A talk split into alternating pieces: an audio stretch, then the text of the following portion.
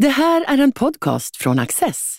Du hittar fler av våra program på access.se och på Youtube. Mycket nöje!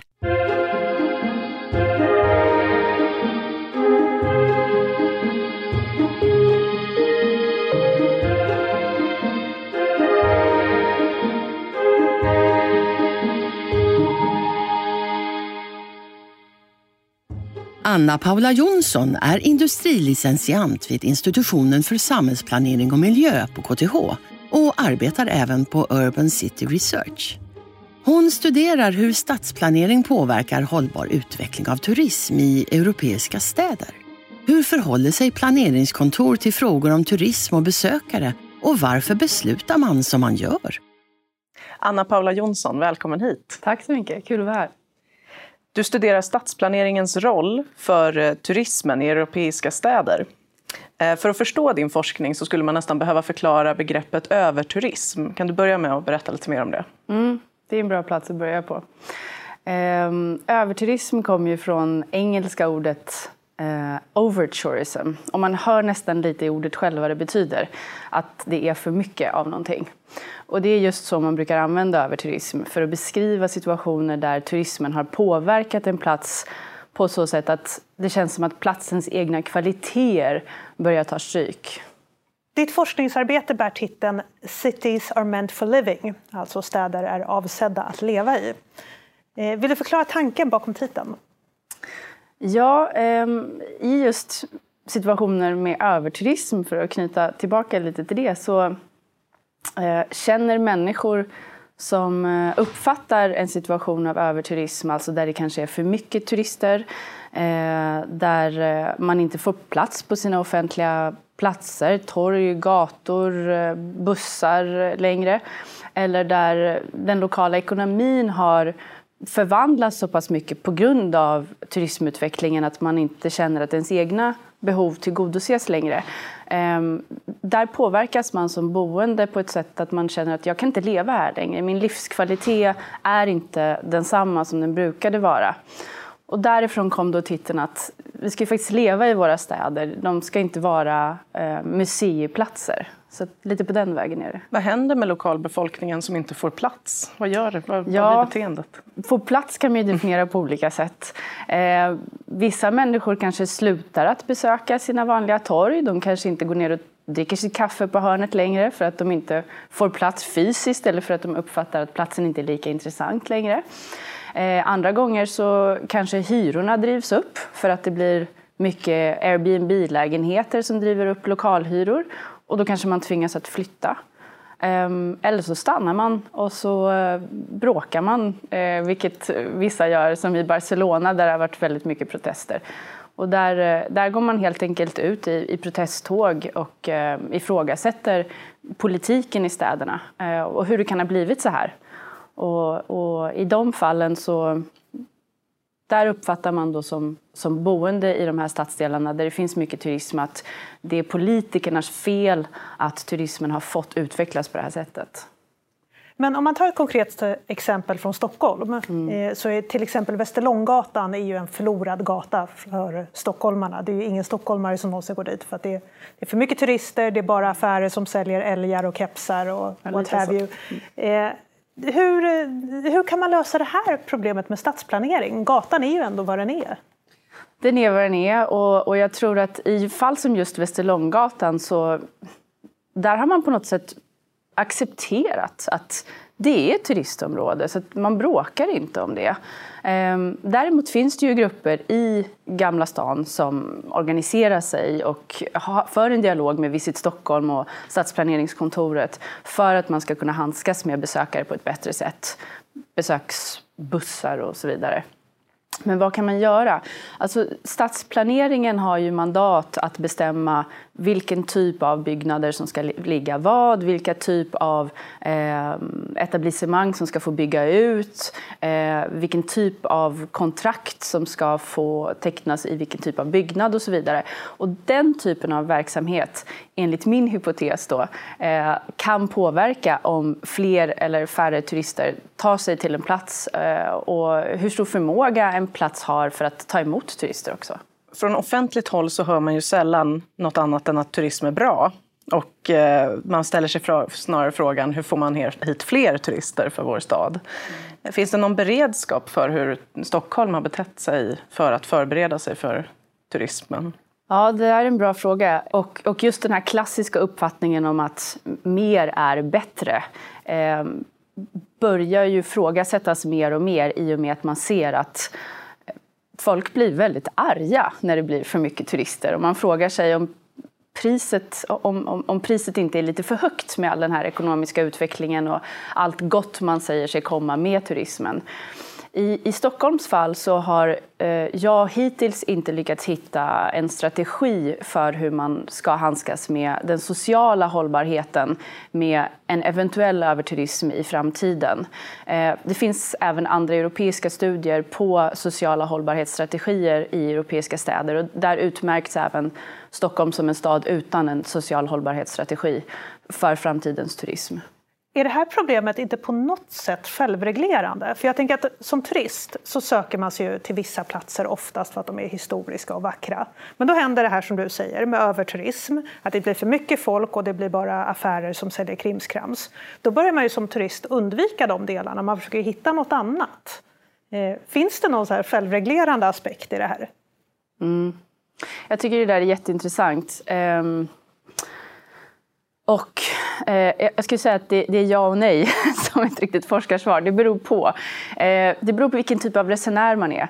Eh, jag personligen skulle gärna söka mig till platser eh, där jag kan leva närmre de som bor där och eh, få känna av en vardag eh, i andra människors liv.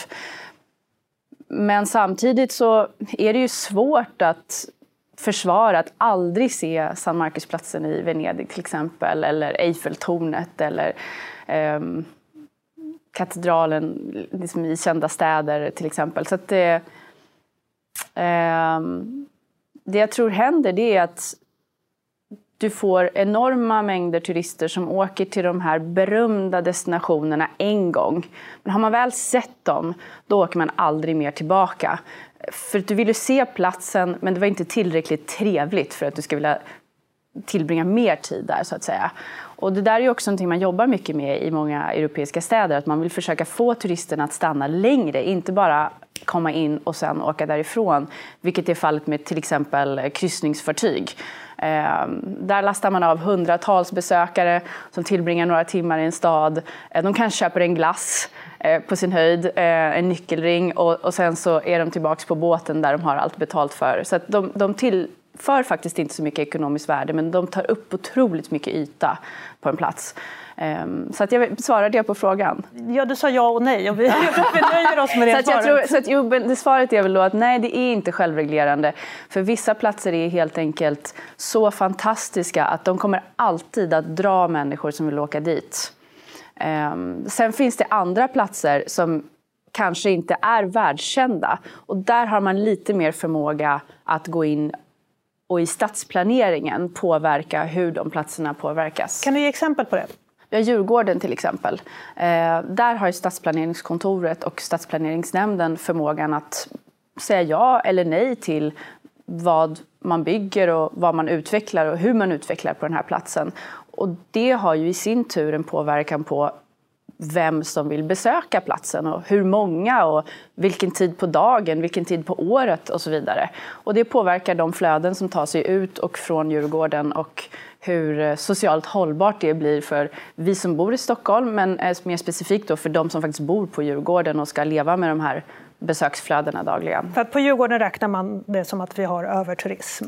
Eh, vissa tider på året så kan man säga det. Det är enorma folkmängder. Eh, det är väl kanske inte matplatser som anses eh, alla gånger vara av särskilt hög kvalitet utan det är hamburgare, pizza, glass eh, till de besökare som tar sig till området eh, som fungerar under en viss tid och, och sen under en annan tid på året så är det då nedstängt eh, för att det inte är turistsäsong. Och det anser människorna som bor där att eh, de anser inte att det här förgyller eller förhöjer deras livskvalitet i området. Hur har det sett ut rent historiskt om man tittar på det här? Är det ett nytt fenomen med turism och stadsplanering och det du tittar på? Ja, just stadsplanering talar inte om turism eh, alls nästan. Eh, man har börjat göra det på några stadsplaneringskontor i de städer som har kommit lite längre, till exempel Barcelona. Där har man varit ganska proaktiv och, och börjat testa nya sätt att förhålla sig till stadsplanering där man då integrerar frågor om turism. Men här i Sverige så är turism fortfarande inte någonting man talar om på stadsplaneringskontoren. Och vad är det egentligen som drar folk till vissa platser då? Mer än att du säger att ja, naturligtvis vill ju alla ha sett Eiffeltornet och liknande byggnader. Eh, men som till exempel i Stockholm så verkar ju alla turister dras till just specifikt Västerlånggatan. Där det enda speciella är ju att det är en gammal gata. Ja. Men eh, ja, vad är det som drar turister till vissa platser? Tiden gör saker intressant i sig. Alltså tid och generationer och liv och historia skapar intressanta platser med energi och känsla och, och arv. Och det kanske blir lite mystiskt och det kanske är lite romantiskt. Sen finns det även eh, eh, aspekten med hur Gamla stan är uppbyggd. Alltså det är litet, det är små gator, det är mysigt, det är, det är vackert, det är väldigt hög nivå på eh, detaljerna och utsmyckningen på byggnaderna. Och, byggnaderna och det tycker besökare är väldigt intressant. De, de tycker det är vackert. Eh, och man trivs i den här omgivningen. Det är, det är mysigt och angenämt och det känns väldigt bra. Man, man tittar upp och man gapar och vill ta mycket bilder och man beundrar sin omgivning. Så att, eh, det har nog både med det faktum att det är så gammalt att göra men även hur det faktiskt är byggt och utsmyckat. Du tittar ju just på Europa och europeiska städer. Eh, är alla de här jämförbara eller finns det några som sticker ut och i så fall varför?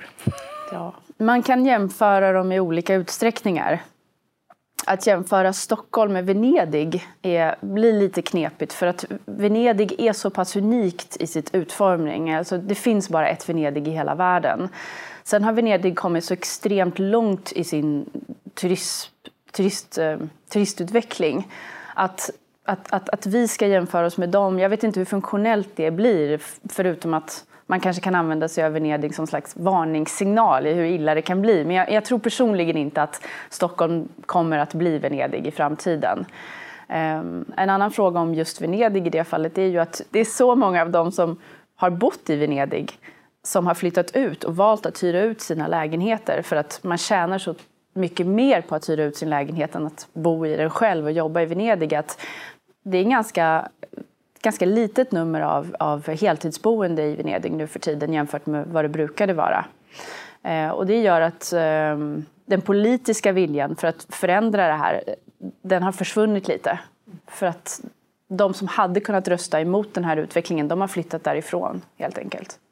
Intressant. Det har blivit ett självstyrande, så att säga. Ja, ett självändamål. Att eh, de, de som nu har lägenheter i Gamla stan i Venedig, många av dem hyr ut dem. Så de har inget intresse av att sätta in regler mot Airbnb till exempel. Ehm, eller reglera kommersen eh, i Venedig. För de vill ju fortsätta hyra ut sina lägenheter. Eh, så att den här lilla gruppen då av människor, vilket jag tror ligger på 30-40 000 nu ungefär, som bor där året om jämfört med kring 200 000 som det var en gång i tiden. Eh, det är ju en liten skara människor som kämpar för att bibehålla ett, ett genuint och autentiskt Venedig där de kan bo utan att eh, behöva armbåga sig fram bland turister dagligen. Mm. Nu måste jag fråga, hur går du egentligen rent konkret tillväga i din forskning? Vad är dina källor? Vad är det du tittar på? Mm. När man forskar så söker man ju information för att bekräfta eller motbevisa en hypotes. Och min hypotes är ju att stadsplaneringsinsatser kan i vissa fall påverka hur turismen utvecklas i en stad, på gott och ont. Eh, så den information jag försöker samla in det är ju erfarenhet från andra städer, men även Stockholm, i fall där vi ser eh, Eh, stadsutveckling i kontakt med platser där vi ser en tillväxt av turism. Och det gör jag via eh, eh, intervjuer med stadsplanerare, arkitekter, eh, turister, människor från turistindustrin och så vidare.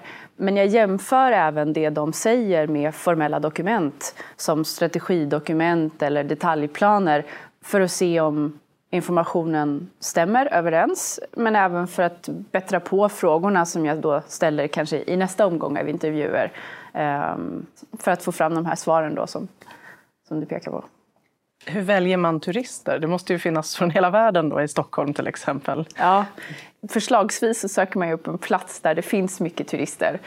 Och så har man kanske ett formulär med frågor i hur de uppfattar platsen och varför de är där och om de kommer att besöka den igen och så vidare. Och så, och så, och så interagerar man med dem helt enkelt. Och hur definierar du egentligen en turist?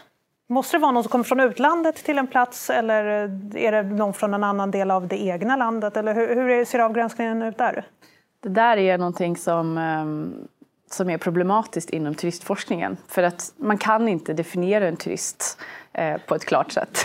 Så det är ytterligare komplicerar saken.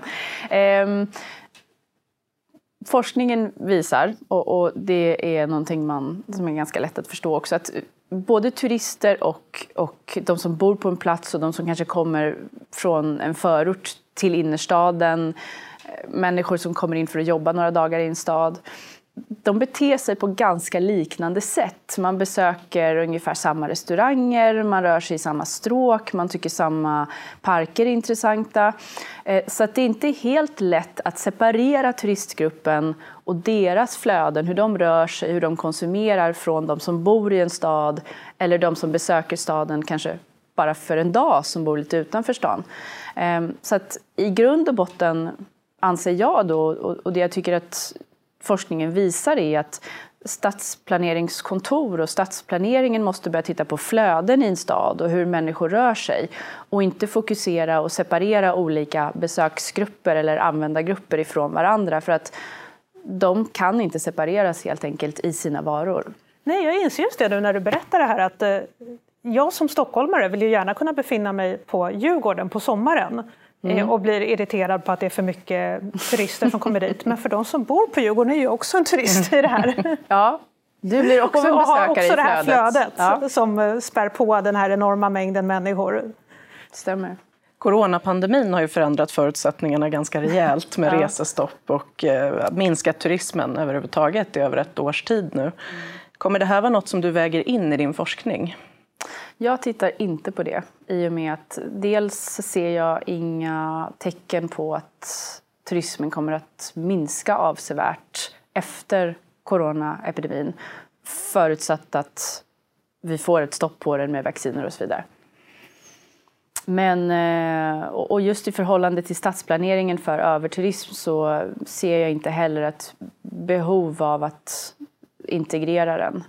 Eh, men det är möjligt i framtiden om den här typen av problematik kring pandemier eller virusspridningar fortsätter, att, man, att det då blir en, en faktor man vill kika på just i förhållande till hur vi måste designa platser eller eh, gestalta eh, offentliga platser för att minska smittspridning till mm. exempel. Just Barcelona som du tittar på är också intressant. Som har, de har uttalat sig om där att eh, det är så skönt att vi inte har de här turistmängderna längre. Mm. Så de har ju varit uppe flera gånger i nyhetsmedia och mm pratat om att corona, coronapandemin är skön för att mm. vi kan ha yoga på gatorna. vi kan använda våra gator igen. Ja. Eh, och, och, inom just turismforskningen så har corona varit ett ämne eh, man talar mycket om. Eh, så det är helt klart något som kommer att vävas in i forskningsagendan. Eh, det har det redan gjort egentligen. Men vi får se hur det ser ut, om det håller i sig eh, ett eller två år framåt. Det, det får vi se. Hur kombinerar man de här frågorna med hållbar utveckling? Hur kommer det fram i din forskning? tänker jag på? Den aspekt jag fokuserar mest på eh, är social hållbarhet. Eh, och när man talar om hållbarhet brukar man prata om tre, tre delar. Det är ju den ekonomiska hållbarheten, den eh, miljömässiga hållbarheten och den sociala hållbarheten. Och det är just den här sista som jag är mest intresserad av. Eh, miljömässigt så är det ju inte inte jättebra att flyga så mycket som vi gör nu för tiden. Men eh, det är ingenting jag forskar kring. Ehm, det ekonomiska kom jag in på en del eh, men det är snarare någonting som motiverar min forskning än någonting jag forskar på. Eh, alltså att överturism kan många gånger skapa en lokal ekonomi som är ganska enkel. Så enkla jobb eller säsongsbaserade jobb eller produkter som är inte särskilt avancerade, till exempel de här vikingahornen och t-shirtar med eh, Sverigebilder på, på Västerlånggatan till exempel. Eh, en, en, en, en plats med överturism är inte platsen där vi ser utbildade, kvalificerad arbetskraft eh, starta bolag eller umgås eller tillbringa tid. Eh, och där ligger ju den egentliga ekonomiska tillväxten på en plats, inte kanske att sälja t-shirtar och vikingahorn. Så att det finns en aspekt där med ekonomisk hållbarhet som turistutvecklingen borde titta på. Eh, men jag är som sagt mer intresserad av den sociala hållbarheten och det handlar ju om att undvika konflikt. För att när man driver fram en situation eller när man tillåter en situation utvecklas i en stad som upprör de som bor där och betalar skatt i staden, eh, då blir det konflikt förr eller senare. Och då börjar man ifrågasätta i många fall ehm, politikernas roll och om det är politikerna som har skapat den här situationen eller som har tillåtit den här situationen.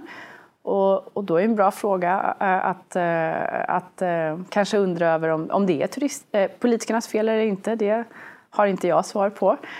Men det är så många boende ser det. För att när någonting går fel i ens område då, då ställer man ju sina lokala politiker till svars helt enkelt. Ehm, och det är inte helt bra för demokratin eller vår sociala hållbarhet som samhälle. Ja, det tänker jag låter tvärtom, att det är väl bra när man ställer politiker till svars för, för demokratins skull. Just. Det är positivt. Det är däremot inte positivt när människor börjar tappa tron i sina lokala politiker, vilket man gör när man frågar sig vems intressen är det ni representerar? Och det är ofta den typen av frågeställning som uppstår när man inte då som, som, eh, som lokal eh, boende på en plats känner att man får gensvar för, för sin oro och eh, att man känner att platsens kvaliteter börjar försämras. Och det här har du kunnat se på forskning från övriga världen, från andra ställen där det har blivit överturism? Absolut, det är väldigt tydligt. Vad är svårast med den här forskningen? Ja, det svåraste som är all samhällsvetenskaplig forskning det är att det är komplext. Det finns inga formler. Man, eh, man kan inte koka ner stadsutveckling till ett recept för eh, ett visst resultat. Eh, det går inte att säga att om vi bygger den här gatan på det här sättet eller ställer upp de här husen i, här, i, i, i, den här konsekvensen så, i den här sekvensen förlåt, ehm, så kommer det här att ske. Då kommer de här kaféerna att uppstå, då kommer den här brottsligheten att minska eller då kommer vi att få ett jämnt flöde av turister till exempel.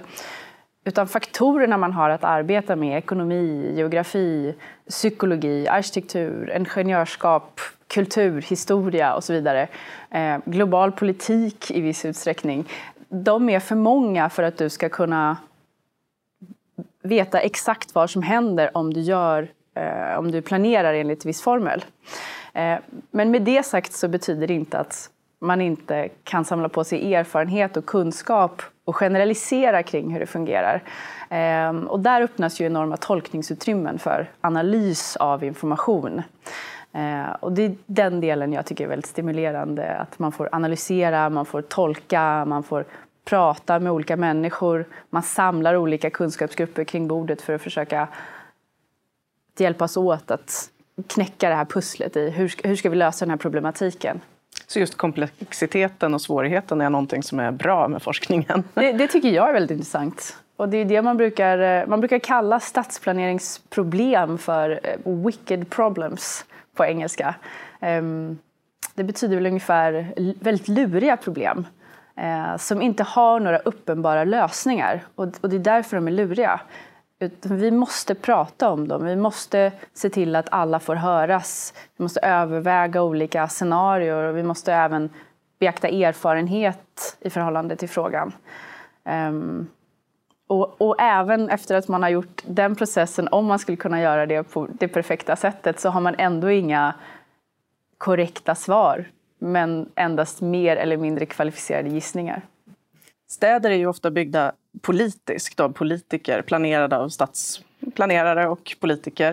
Eh, men det är snarare den fria marknaden som har skapat överturism och mycket turism i städer. Hur ställer du dig till det här? Det första är väl att stadsplanering måste vara politiskt. För att i ett sammanhang där man har starka intressen, eh, stora vinster, Ehm, och olika preferenser för hur en stad ser ut så kan det inte vara något annat än politiskt i ett demokratiskt samhälle. För att olika grupper i samhället tjänar på olika typer av stadsutveckling. Och då är det upp till politikerna att representera olika modeller och låta väljarna rösta för respektive modell för stadsutveckling och så vidare. Men är det motiverat att politiskt styra människors beteende? Jag vet inte om man styr deras beteende. Ja, indirekt så, så gör man väl det. Ehm, men framförallt så är det väl motiverat att låta väljare ha en preferens för hur sin stad ska se ut. Jag tror att det är mer det det handlar om. Och eh, om, om en politiker då utvecklar och tar fram en vision för en viss stad som väljare sympatiserar med och väljer att rösta på. Det är ju då demokrati, vilket vi tycker är bra. Ehm, så att om, om, om människorna, om, om väljarna då tycker att den här typen av stadsform och stadsutveckling är positiv och trivs i sitt beteende inom ramen för den stadsutvecklingen, ja, då har ju politikerna på något sätt levererat en produkt man trivs med och ja, gillar vi det här beteendet helt enkelt.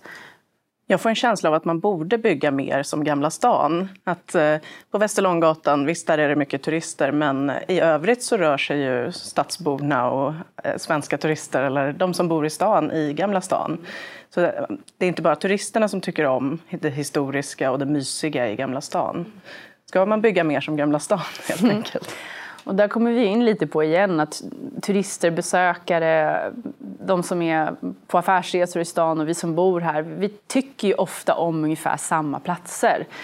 Vi är alla människor i grunden. Det är det det handlar om. Och, och människor har vissa preferenser när det gäller platser och hur man uppfattar utrymmen och, ehm, och, och, och stadsmiljön omkring sig. Um, så att borde man bygga mer som Gamla stan, det, det överlåter jag eh, till en annan diskussion. Eh, däremot så borde man bygga fler platser människor vill besöka. Det tror jag är viktigt för att eh, vi kommer inte kunna bromsa turistutvecklingen. Där ligger vi ganska illa till tror jag. Utan vi måste förhålla oss till den här turistutvecklingen. Och vi har bara ett Gamla stan, vi har bara ett Djurgården. Eh, och om den här mängden människor som är ständigt ökande ska besöka endast de platserna, då kommer det att bli väldigt, väldigt trångt och inte särskilt skärmigt ganska snart.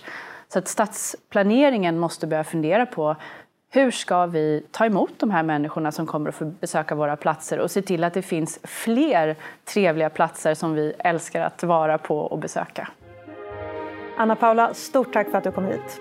Tack. Överturismen kan medföra väldigt komplexa problem som vi behöver lära oss att förhålla oss till. Stort tack för att ni har tittat.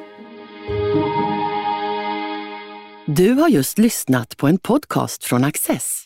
Du vet väl att vi också är en tv-kanal och tidning? Teckna en prenumeration idag på access.se.